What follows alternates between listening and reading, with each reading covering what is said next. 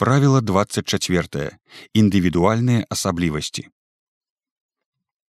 У кнізе выкладзены найважнейшыя універсальныя парады наконт рэжыму харчавання і выбару прадуктаў. Але пры гэтым трэба разумець, што канкрэтная фармулёўка харчовага правіла, колькі грамаў вугляводаў мне з'есці на дзень, колькі гадзінаў і хвілінаў рабіць харчовае вакно для таго падобнае, залежыць ад вашых індывідуальных асаблівасцяў. У цэлым, чым больш вы пра сябе ведаеце, тым дакладней вы можете фармуляваць сабе мэты. Таму мне хочацца, каб вы не проста чакалі парады колькі грамаў тлушчу есці на сотні, а занялі актыўную пазіцыю даследчыка і назіральніка. Зважайце на сваё здароўе і ў гэтай сферы жыцця адбудуцца станоўчыя змены. Навучыцеся назіраць за сабой, даследаваць, тэставаць і вывучаць сябе не толькі суб'ектыўна, але і з дапамогай тэстаў. Так вы зможаце колькасна вымераць уплыў таго ці іншага стылю харчавання ды іншых зменаў. На франтоне старажытна-грэцкага храма дельфійскага аракула было высечана: спазнай самога сябе. Сапраўды самавывучэнне, самадаследаванне з'яўляюцца важнымі практыкамі ў фармаванні здароўя і неад'емнай умовай стварэння насамрэч індывідуальнага падыходу. Калі вы звяртаеце ўвагу на пэўную сферу жыцця, у ёй непазбежна адбываюцца станоўчыя змены. Навучыцеся назіраць за сабой, даследаваць, тэставаць і вывучаць сябе не толькі суб'ектыўна, але і з дапамогай тэстаў. Так вы зможаце напраўду заўважыць уплыў таго ці іншага стылю харчавання ды іншых зменаў. Існуюць розныя тэсты, якія могуць выявіць стан вашага вугляводнага і тлушчавага абмену, асаблівасці засваення розных рэчываў, стан мікрафлоры і шматлікае іншае. Як з'явілася праблема?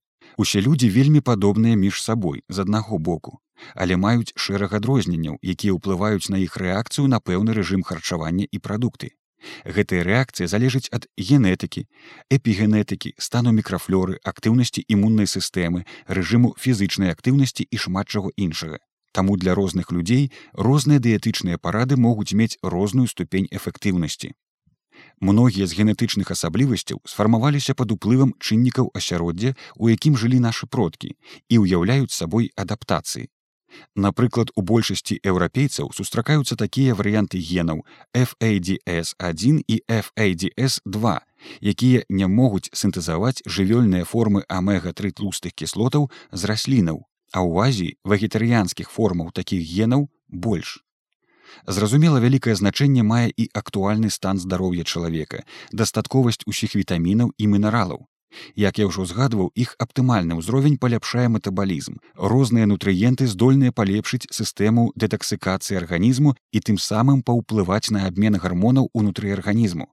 Прапорцыі розных мікранутрыентаў залежаць ад адчувальнасці чалавека да інсуліну і да лептыну, узроўню яго фізычнай актыўнасці. Чым ён вышэйшы, тым, напрыклад, больш бяспечным будзе ўжыванне вялікіх колькасцяў вугляводаў. На ступень засваення мінералаў прыкладам моцна ўплывае кіслотнасць страўніка. Калі яна паніжаная, то іх засваенне будзе слабейшым. Як гэта ўплывае на здароўе? Веданне сваіх індывідуальных асаблівасцяў дапаможа найболей дакладна падабраць дыетычныя рэкамендацыі. Напрыклад, рэкамендацыя есці больш аліўкавага алею лепей спрацуе для носьбітаў нуклеатыдаў G у RS1801282 знаходзіцца ў гене PPARG. Такія людзі найбольш атрымліваюць карысці ад міжземнаморскай дыеты. Значнасць генетычных асаблівасцяў таксама вар'іруецца ад умеранай схільнасці да выяўленай непераноснасці. Копія А у БНІП RS4988235 гену LCT дае магчымасць засвойваць ляктозу. Калі няма хоць адной копіі, то развіваецца непераноснасць.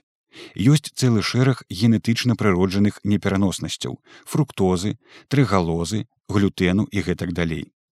Многія з генетычных асаблівасцяў сфармаваліся пад уплывам чыннікаў асяроддзя, у якім жылі нашы продкі і ўяўляюць сабой адаптацыі.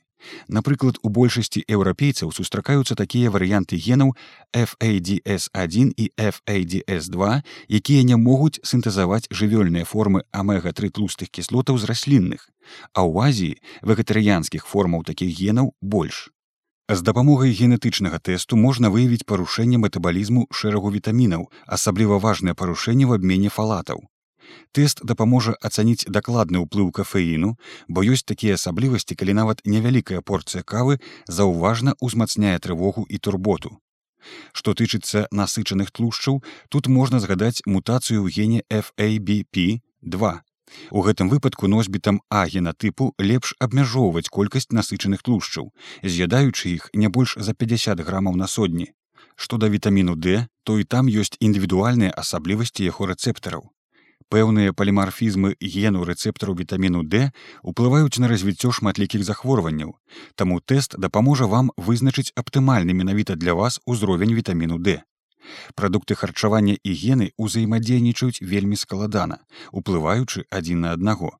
Многія спалучэнні ў прадуктах могуць узмацняць або аслабляць актыўнасць генаў, а гены ў сваю чаргу ўплываюць на рэакцыю арганізму пры ўжыванні прадуктаў. Вядома, генетыка ўплывае і на асаблівасці харчовых паводзінаў. Для розных людзей працуюць розныя падыходы да кантролю псіхагеннага пераядання. Для прыкладу разгледзім тры гены генетычныя варыяцыі, у якіх павялічваюць рызыку кампульсіўнага пераядання. Гэта гены GAD2, TEC1A1 і FTO. GAD2. Гэты ген стымулюе пераяданне. Ён звязаны з кампульсіўнымі парушэннямі харчовых паводзінаў ген кадуе фермент глютамат дэкарбаксілазу падвышаная актыўнасць якой вядзе да шасціразовага ўзмацнення выпрацоўкі гамк гамма-амінамасленай кіслаты у мозгу. Выдзяленне лішку гамк у гіпаталамусе вядзе да павышэння ўзроўню неўрапептыду y у аркуатным ядры. А гэта прыводзіць да моцнага голаду. Што рабіць? Заблякаваць залішнюю актыўнасць неўрапептыду Y можна праз страўнікава-кішачны падыход. Там ёсць адмысловыя эль-клеткі, якія выпрацоўваюць пептыд YY, што прыгнятае апетыт. Галоўнымі стымулятарамі пептыду YY з'яўляюцца тлушчы і жоўцевыя кіслоты. А яшчэ харчовыя валокны, а таксама аэробныя фізычныя практыкаванні. Тэк 1A1 Гэты ген звязаны з больш нізкай шчыльнасцю дафамінавых D2 рэцэптараў у галаўным мозгу. Яго носьбіты атрымліваюць прыкметна менш задавальнення ад жыцця і ад ежы. Людзям з нізкай шчыльнасцю дафамінавых рэцэптараў для атрымання задавальнення трэба з'есці нашмат больш, што яны і робяць. Як толькі жыццё такіх людзей становіцца безрадасным, яны пачынаюць вельмі шмат есці, пераядаць для кампенсацыі ўзроўню дафаміну. Што рабіць? Трэба больш радасці, а не ежы. Ёсць і некалярыйныя спосабы атрымання задавальнення ад ежы і не толькі ад яе. Гэта і прыгожы абрус, прыборы, сервіроўка, падача, размова, час ежы, смакаванне і ўсвядомленая ежа. Таксама важна дадаць больш задавальнення з іншых сфер жыцця. Гэта падыме ўзровень дафаміну і пераяданне аслабне. FTO. Гэты ген служыць актыватарам выдзялення гармону голаду грыліну. У носьбітаў яго тлустых версіяў узровень грыліну не падае пасля ежы, як павінна быць, а застаецца высокім. Таму такія людзі пераядаюць і аддаюць перавагу высокатлушчавым прадуктам. Узровень грыліну павялічваецца пры стрэсе, таму ў адказ на яго носьбіты з'ядаюць шмат лішняга. Што рабіць? Грылін гэта не так кепска, як здаецца. Ён, напрыклад, зніжае рызыку дэпрэсіі і стымулюе неўрагенез. Для носьбітаў AA версіяў FTO важна прытрымлівацца рэжыму харчавання, не перакусваць, не прапускаць прыёма ежы і не рабіць харчовых разгрузак на тле павышанага стрэсу. Кантроль стрэсу і рэжым харчавання дазволіць эфектыўна даць рады з кампульсіўным пераядданнем у гэтым выпадку. Генетыка смаку. У розных людзей генетычна розны парог адрознівання смакаў. Таму сапраўды дзеду міла, а ўнуку гніла памятайце што ваше харчаванне павінна прыносіць задавальненне таму з шырокага спектру прадуктаў важна выбіраць кіруючыся сваім смакам. Мікрафлора асаблівасці засваення прадуктаў і індывідуальная рэакцыя людзей залежыць ад стану мікрафлоры іх кішачніка. Таму, напрыклад, уздым узроўню глюкозы ў крыві ад аднаго і таго ж прадукту будзе ва ўсіх розным, Вывучэнне мікрафлоры кішачніка дапаможа ацаніць яе разнастайнасць і выявіць, якія віды бактэрыяў адсутнічаюць, а таксама вызначыць аптымальныя нутрыенты для падкорму бактэрыяў таго ці іншага віду. Асноўныя прынцыпы. Правіла 80 на 20. Назіранне за сабой, выкарыстанне розных дыягнастычных тэстаў дапаможа вам выявіць індывідуальныя рэакцыі і асаблівасці стрававання, ды ўлічваць іх для складання свайго персанальнага рацыёну. Пры рабоце над сваім харчаваннем прыслухоўвайцеся не толькі да навуковых парадаў, але і да сваёй індывідуальнай рэакцыі. Бо гэта усярэдненыя парады, а вам трэба тое, што пасуе асабіста вам. Далёка не ўсе парады будуць працаваць ідэальна. Вам сярод усіх магчымых харчовых інструментаў варта адшукаць тыя 20соткаў, якія дадуць вам 80соткаў выніку. Напрыклад, падбярыце, што мацней за ўсё вас насычае. Для гэтага адзначайце ў харчовым дзённіку, колькі гадзінаў трымалася сытасць пасля тых ці іншых прадуктаў і наколькі ў балах яна была выяўленая. Гэтак жа можна вывучыць і свой голад. Ацэньвайце, калі ён узнікае і якой інтэнсіўнасці. Харчовы дзённік. Харчовы дзённік гэта запіс рэжыму харчавання і прадуктаў. Пры гэтым варта ўлічваць таксама іншыя фактары ладу жыцця, каб усталяваць паміж імі дакладныя прычынна-выніковыя сувязі. Улічвайце стрэс, сон, фізычную актыўнасць, дзень цыклю і іншыя фактары. Харчовы дзённік можна весці ў розных формах фатаграфуючы стравы і затым складаючы справаздачу і ведучы дзённік за тыдзень з адзнакамі памылак, дзе фіксаваць свае адступленні ад рацыёну і аналізаваць іх прычыны. Вы можете выявіць асноўныя прычыны зрываў і пераядання. Вельмі часта яны знаходзяцца нават не ў сферы ежы, а звязаныя з дэфіцытам сну, недахопам фізычнай актыўнасці ды іншымі прычынамі. Сярод усіх магчымых харчовых інструментаў варта адшукаць тыя 20соткаў, якія дадуць вам 80соткаў выніку.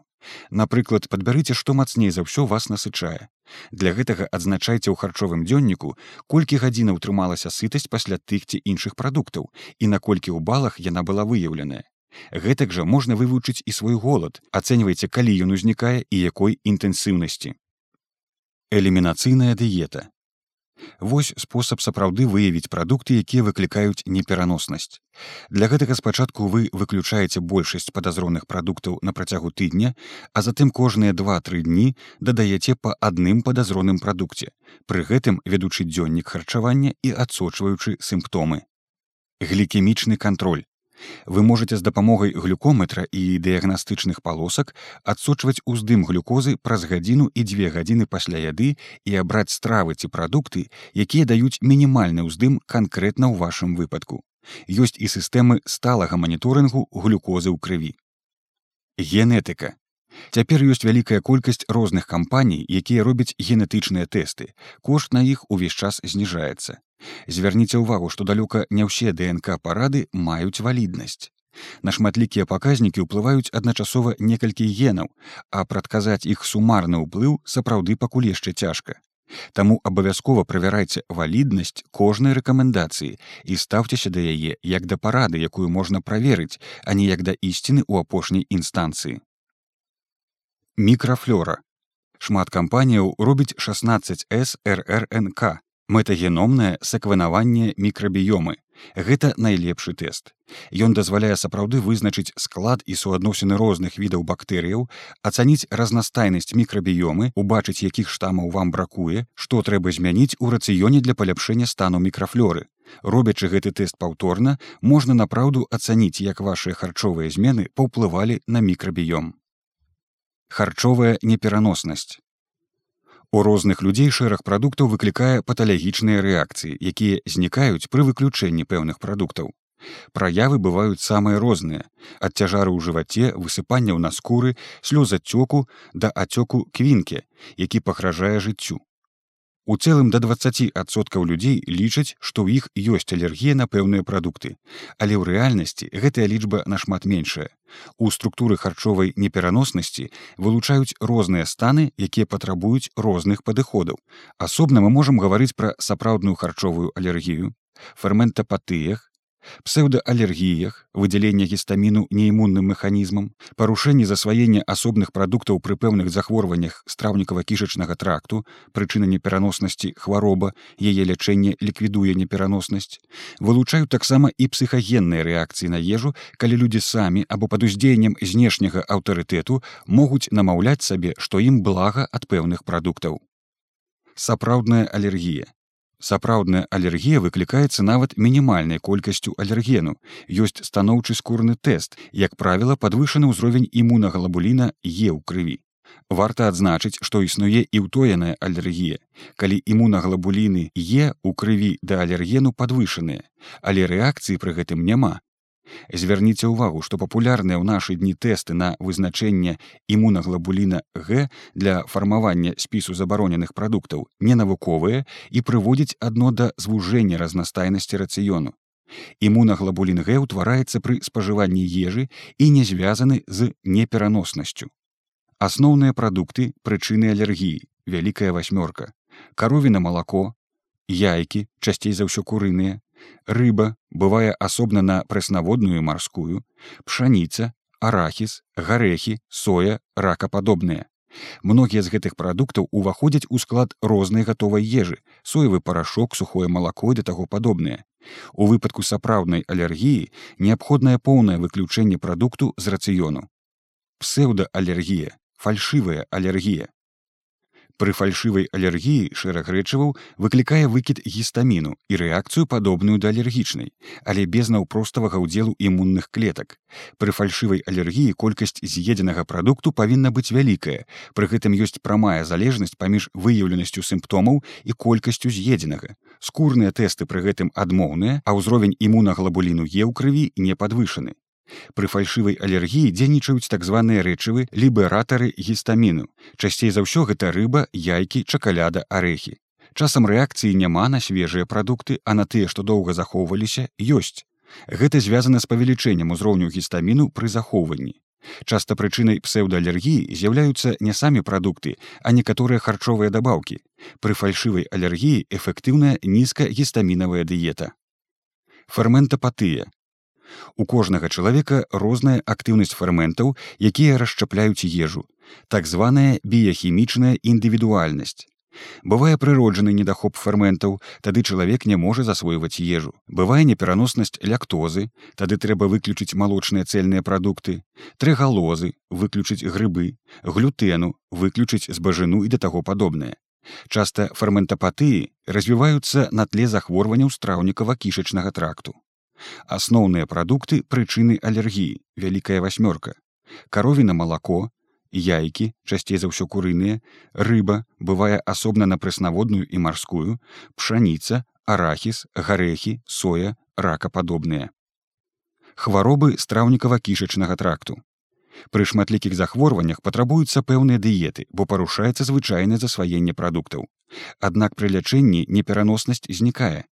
Часцей за ўсё прычынамі бываюць зніжэнне кіслотнасці страўнікавага соку, аслабленая функцыя падстраўніцы, павышэнне пранікальнасці кішачніка, дзіравы кішачнік, парушэнні мікрафлоры, сіндром раздражнёнага кішачніка. Як трымацца правіла, ідэі і парады. Рызыка алергічных і аўтаімунных захворванняў. Знізіць рызыку алергічных і аўтаімунных захворванняў, асабліва ў дзяцей, можна улічваючы чатыры важныя чыннікі дастатковы ўзровень вітаміну D і знаходжання на сонцы, дастатковы ўзровень мікробнай нагрузкі, кантакт з прыродай, бываць на ферме, кантакт з іншымі дзецьмі і да таго падобнае, нізкая колькасць солі ў дыеце, выкарыстанне ашчаднага харчавання нават для дзяцей, якія яшчэ растуць, бо пастаянная стымуляцыя мторг павялічвае рызыку алергічных захворванняў. Структура цела Многія людзі пры зменах харчавання крытэрам эфектыўнасці лічаць вагу цела. Але адна і тая ж вага можа выглядаць зусім па-рознаму, таму правільней ацэньваць эфектыўнасць сваіх дзеянняў на аснове вымярэння структуры цела. Структура цела гэта суадносіны і размеркаванне тлушчавай і цяглічнай тканкі. Так падскурны тлушч не вельмі небяспечны, А самую сур'ёзную пагрозу уяўляюць менавіта ўнутраны тлушч на такіх органах як печань, сэрца, кішачнік, падстраўніца і страта цяглічнай масы, саркапынія. Унутраны эктапічны тлушч выдзяляе адмысловыя рэчывы, якія правакуюць запаленне, парушаюць гарманальны балянс. Аб'ектыўнае вымярэнне вісцеральнага тлушчу гэта вельмі важна, бо не ваша вага, не адсотак тлушчу няважныя так, як колькасць вісцеральнага тлушчу. Чым яго больш, тым вышэйшая рызыка захворванняў. Чалавек можа быць худым і пры гэтым мець высокі ўзровень унутранага тлушчу і адпаведна высокую рызыку захворванняў. Структура цела гэта суадносіны і размеркаванне тлушчавай і цяглічнай тканкі. Падскурны тлушч не вельмі небяспечны, а самую сур'ёзную пагрозу уяўляюць менавіта ўнутраны тлушч на такіх органах як печань, сэрца, кішачнік, падстраўніца і страта цяглічнай масы, саркапынія. Унутраны эктапічны тлушч выдзяляе адмысловыя рэчывы, якія правакуюць запаленне, парушаюць гарманальны баланс. Чалавек можа быць худым і пры гэтым мець высокі ўзровень унутранага тлушчу і адпаведна высокую рызыку захворванняў. Антрапаметрыя. Гэта замеры стужкай, якія паказваюць асаблівасці размеркавання тлушчу ў целе і рызыку захворванняў. Часцей за ўсё выкарыстоўваюцца наступныя паказчыкі. Абхоп талій у жанчынаў складае да 75-80 сантыметраў ад 80 до 88 сантыметраў. Гэта перавышэнне нармальнай вагі звыш 88 атлусцення у мужчынаў нармальныя параметры складаюць до 94 сантыметраў. Суадносіны талія сцёгны ў норме менш за 0,85 сотых для жанчынаў і менш за 1,0 для мужчынаў аптымальна 0,7 0,65 0,78 для жанчынаў і не больш за 0,9 для мужчынаў. Акружнасць шыі ў самым вузкім месцы у жанчынаў не больш за 34 з паловай сантыметры, больш строгая норма 32 сантыметры, у мужчынаў акружнасць шыі не больш за 38,8 сантыметраў. Самая строгая норма 35 з паловай сантыметраў суадносіны талія сцягно менш за паўтара для жанчынаў і менш за 1,7 для мужчынаў. ABSI гэта комплексны індэкс формы цела, які ўлічвае суадносіны паміж аб'ёмам таліі, ростам і вагой ды разлічвае індывідуальную рызыку. Цяглічная маса. З узростам зніжэнне цяглічнай масы толькі ўзмацняецца. Захаванне дастатковай колькасці цягліцаў з'яўляецца ўмовай захавання метабалічнага здароўя, памятайце што зніжэнне сілы гэта страта цягліцаў. Страту цягліцаў цяжка заўважыць бо яны замяшчаюцца тлушчам і аб'ём канцавіны можа заставацца ранейшым. Важна захоўваць высокі ўзровень фізычнай актыўнасці ў любым узросце. Вымярэнне вестыральнага тлушчу. Самыя надзейныя вынікі дае дэксасканаванне цела і тамаграфія. Але можна ацаніць узровень вестыральнага тлушчу і па угд спачатку робім даследаванне печані. Лінейныя памеры прыкметы тлушчавага гепатозу стан жоўцевага пухера затым вымяраем таўшчыню эпікардыяльнага тлушчу. Рызыкі растуць пры лічбе больш за 5 міліметраў колькасць якога карылюе з узроўнем вестыральнага тлушчу і таўшчыню пэрыкардыяльнага тлушчу сардэчная рызыка пасля чаго вымяраем адлегласць паміж белай лініяй жывата і пярэдняй сценкай аорты. Больш за 100 міліметраў гэта вісцэральнае атлусценне. Дадаткова можна разлічыць індэкс тлушчу брушной сценкі і тбс гэта стасунак максімальнай таўшчыні перад брушнога тлушчу да мінімуму таўшчыні падскурнага тлушчу. Гэтыя паказнікі проста вымяраць у дынаміцы. Лепей на адным апараце ў аднаго спецыяліста знізіць рызыку алергічных і аўтаімунных захворванняў можна улічваючы чатыры важныя чыннікі дастатковы ўзровень вітаміну d мікробная нагрузка зніжэнне колькасці солі ў дыеце умеранае харчаванне. Наведванне стаматоляга Здаровыя зубы і здаровая ротавая поласць гэта найважнейшыя умовы добрага стрававання. Дбайна чысціце зубы, палашчыце рот пасля кожнага прыёму ежы, выкарыстоўвайце ірыгатары, зубныя ніткі, своечасова выдаляйце зубны камень, больш жуйце для здароўя зубоў. Мікрафлора рота. Мікрафлора ротавай поласці важная для нашага здароўя. Пазбягайце лішку мучнога, глютэн прыляпляе часціцы крухмалу да зубоў, бактэрыцыдных апаласквальнікаў для рота, выкарыстоўвайце аральныя прабіётыкі. Індывідуальная праграма абследавання. Таксама на ваш стан уплывае і здароўе. Рэгулярна правярайце яго, здавайце неабходныя, а лепей пашыраныя дыягнастычныя панелі. Прыклад падобнай лабараторнай панелі. Глюкоза, глікаваны гемаглабін, інсулін, індекс інсулінарэзістэнтнасці, алат, асад, крэатынін, мачавая кіслата, гомацыстэін, ультраадчувальны тэст на цэрэактыўны бялок, гармоны шчытападобнай залозы, палавыя гармоны, ІФР1, гармон росту, цынк, магній, жалеза, ферытын, вітамін D, вітамін B12. Да іх можна дадаць інструментальныя тэсты, напрыклад, УГД сонных артэрыяў з вызначэннем таўшчыні комплексу інтым медыя. Пры неабходнасці можна дапаўняць іншымі абследаваннямі ў залежнасці ад узросту і індывідуальнай рызыкі, сямейная гісторыя захворванняў, генетычныя рызыкі шэрагу захворванняў і дэфіцытаў і іншыя, анкамаркеры, каланаскапія, фібрагастрадуаденаскапія і іншыя паказнікі.